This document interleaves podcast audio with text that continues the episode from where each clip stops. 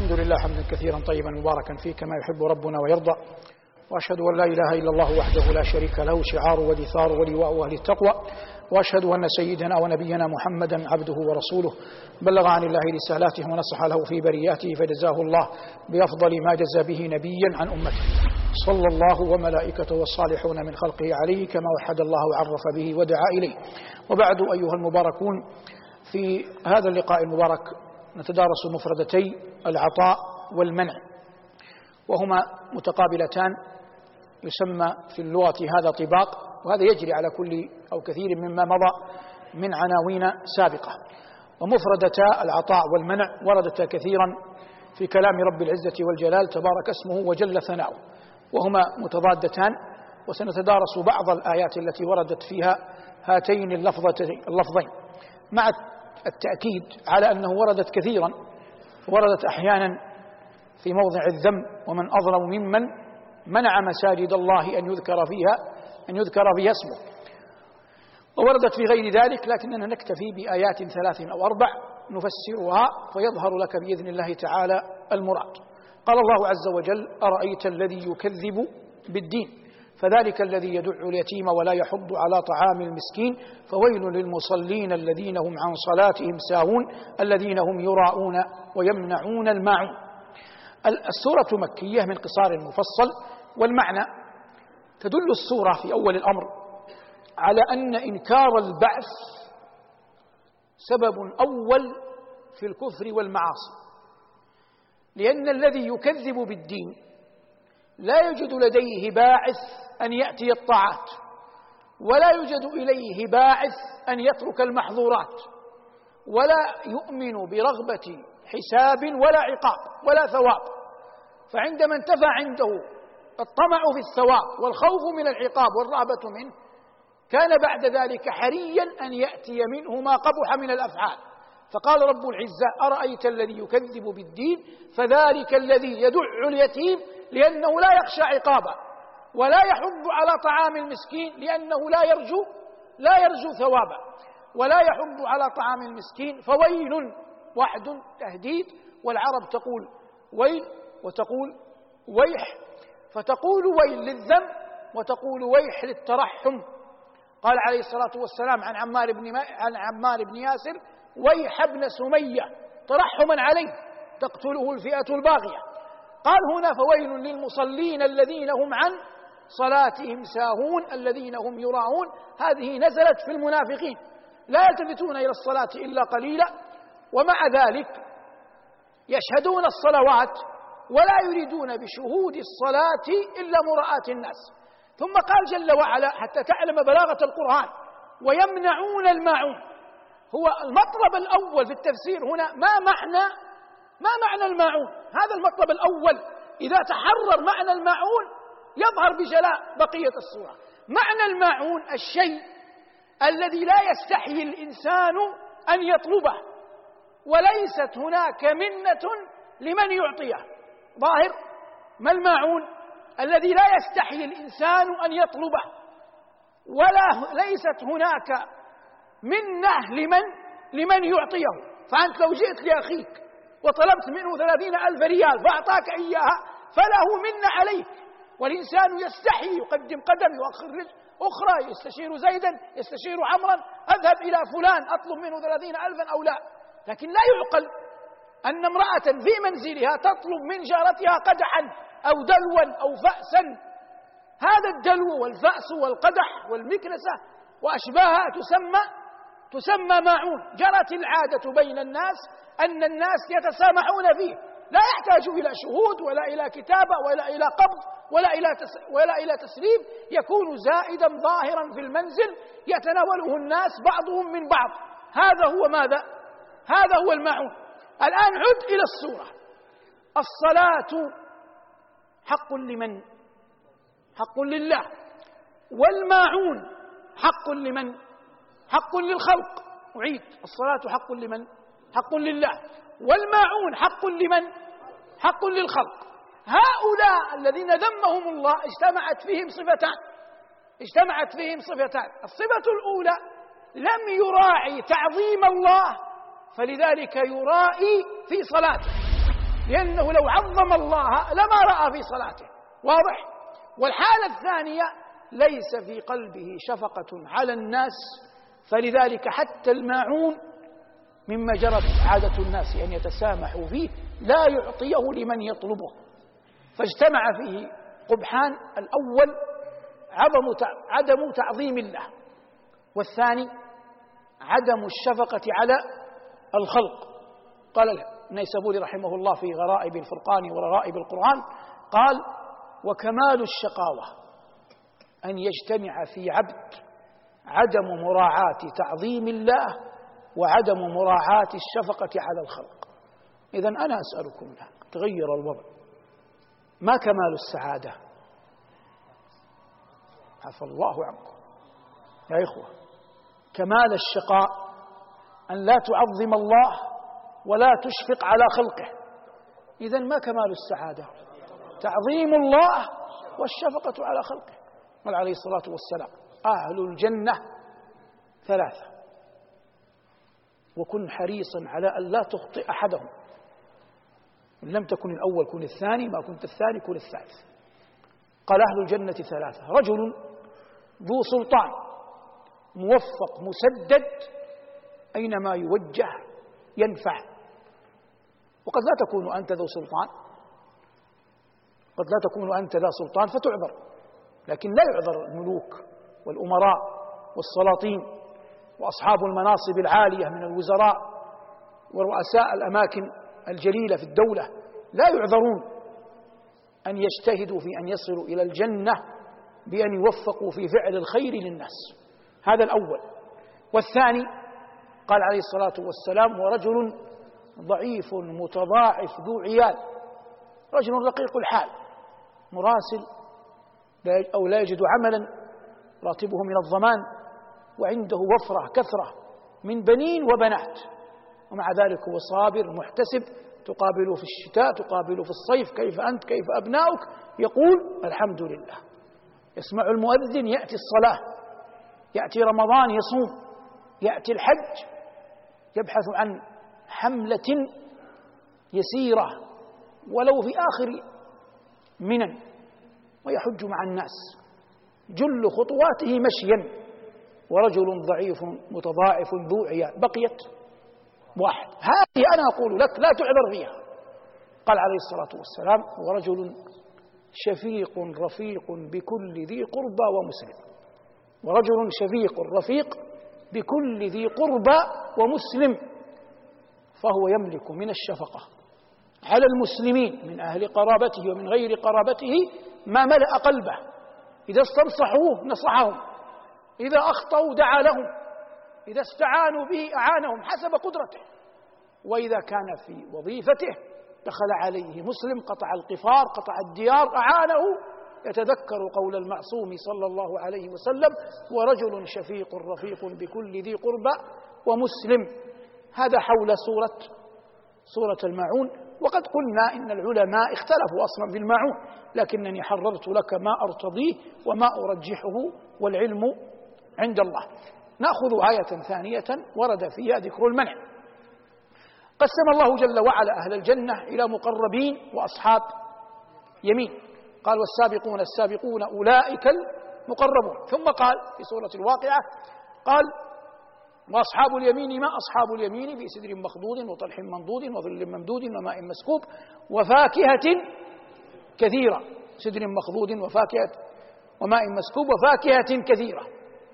ماذا وصف الله به الفاكهة؟ قال جل ذكره لا مقطوعة ولا ولا ممنوعة. ما معنى لا مقطوعة؟ لا مقطوعة ليست مختصة بوقت. الآن يوجد فاكهة لا تكون إلا في الصيف. وفاكهة لا تكون إلا في الشتاء. فإن أردت أن تطلب فاكهة الشتاء في الصيف لن تجدها وإن أردت أن تطلب فاكهة الشتاء فاكهة الصيف في الشتاء لن تجدها. واضح؟ هذه الحالة لا مقطوعة منتفية في الجنة. فالفاكهة في الجنة ليست متعلقة بوقت أبدا. أصلا ليس في الجنة صيف ولا ولا شتاء ولا ليل ولا نهار. ظاهر هذا بقينا في وجه الشاهد. لا مقطوعة ولا ممنوعة. يقع في الدنيا يقع في حياتنا الآن نحن مثلا في فصل الصيف. يوجد فاكهة صيفية. فانتفت مسألة لا مقطوعة لأنها موجودة. بقينا في ممنوعة. كيف تكون الفاكهة ممنوعة؟ بأحد سببين. بأحد سببين. السبب الأول أن لا تملك ثمن شراء الفاكهة. عقلا هذا يوجد أو لا يوجد؟ يوجد يوجد فقراء في الناس لا لا يستطيعون أن يشتروا بعض الفاكهة لا نقول كلها. هذا حال. فيكون المنع بسبب قلة ذات ذات اليد. حالة أخرى أن يكون في الإنسان علة من مرض أو سقم لا يستطيع معه أن يأكل تلك الفاكهة تزيده سقما على سقمه مرضا على مرضه لا تصلح لمثله. فيمتنع عنها رغم أنه يملك ثمنها وهي في وقتها لكن العلة فيه فيه سقم فيه مرض. وهذا منتف أين؟ منتف في الجنة. فمن دخل الجنة أدخلني الله وإياكم الجنة. يجد الفاكهة فيها كثيرة لا يخشى أن تنفد ولا ممنوعة لا من علة فيه ولا تحتاج إلى ثمن لأنه قد دفع ثمنها من قبل. أين دفع ثمنها؟ بالإيمان والعمل الصالح في الحياة الدنيا وإن كانت الجنة ليست عوض ليست عوضا لكنها فضل من الله جل وعلا ورحمة. هذا معنى قول الله جل وعلا وفاكهة كثيرة لا مقطوعة ولا ممنوعة. وكل ما حررناه كان في المنع. فماذا الذي بقي؟ بقي العطاء. فأما العطاء فقد قال ربنا عن أهل جنته عطاء غير مجذوذ أي غير مقطوع. لكننا نأخذ آية أخرى نفصل فيها في قضية العطاء. بعث الله جل وعلا موسى وهارون إلى فرعون. دخل على فرعون. قال له كما علمهما الله الآن انظر ماذا يقول موسى وهارون؟ وماذا يجيب فرعون؟ قال إنا رسول أكمل ربك. يقولان له إنا رسول ربك. فأرسل معنا بني إسرائيل. عرفاه بأنهما رسولان بأنهما رسولان من رب العالمين وأن رب وأن رب العالمين ربه. إن رسول ربك. بلغ فرعون عتوا وطغيانا كبيرا.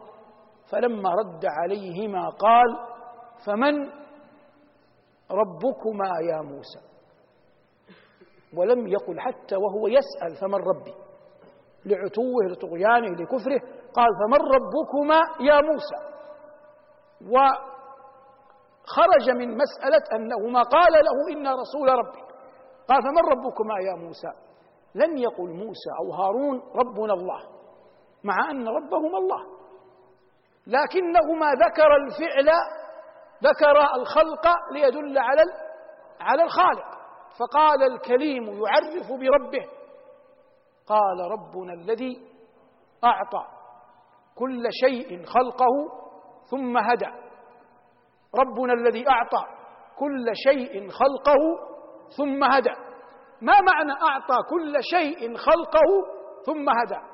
أعطى كل مخلوق خلقه ما يصلحه. أعيد. أعطى كل مخلوق خلقه ما ما يصلحه.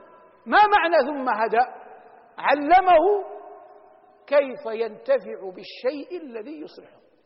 علمه كيف ينتفع بالشيء الذي يصلحه. ما الذي دل عليه هذا الأمر؟ أعطى كل شيء خلقه ثم هدى قلنا أعطى كل شيء خلقه علمه ما يصلحه وثم هدى علمه كيف ينتفع, ينتفع بما يصلحه ينجم عن هذا أن الله الآية عرفت بأمرين عظيمين. والله هذا هذه فرائد العلم. عرفت بوجوده وعظيم جوده.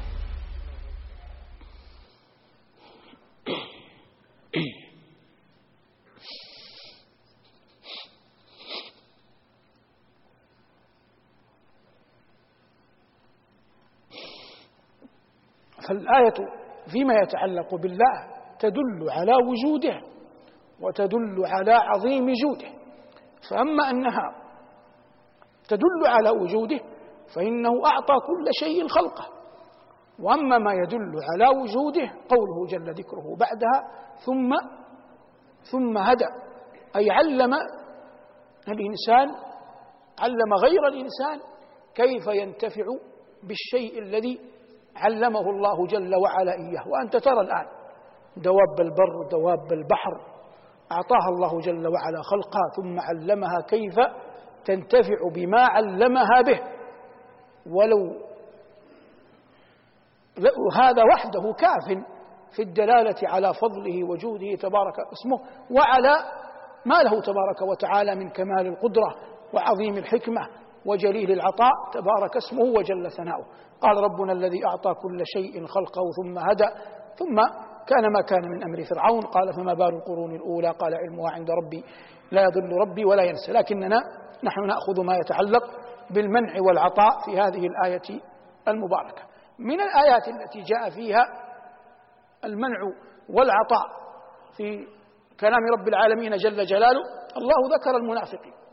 قال وإن لم يعطوا منها إذا هم يسخطون.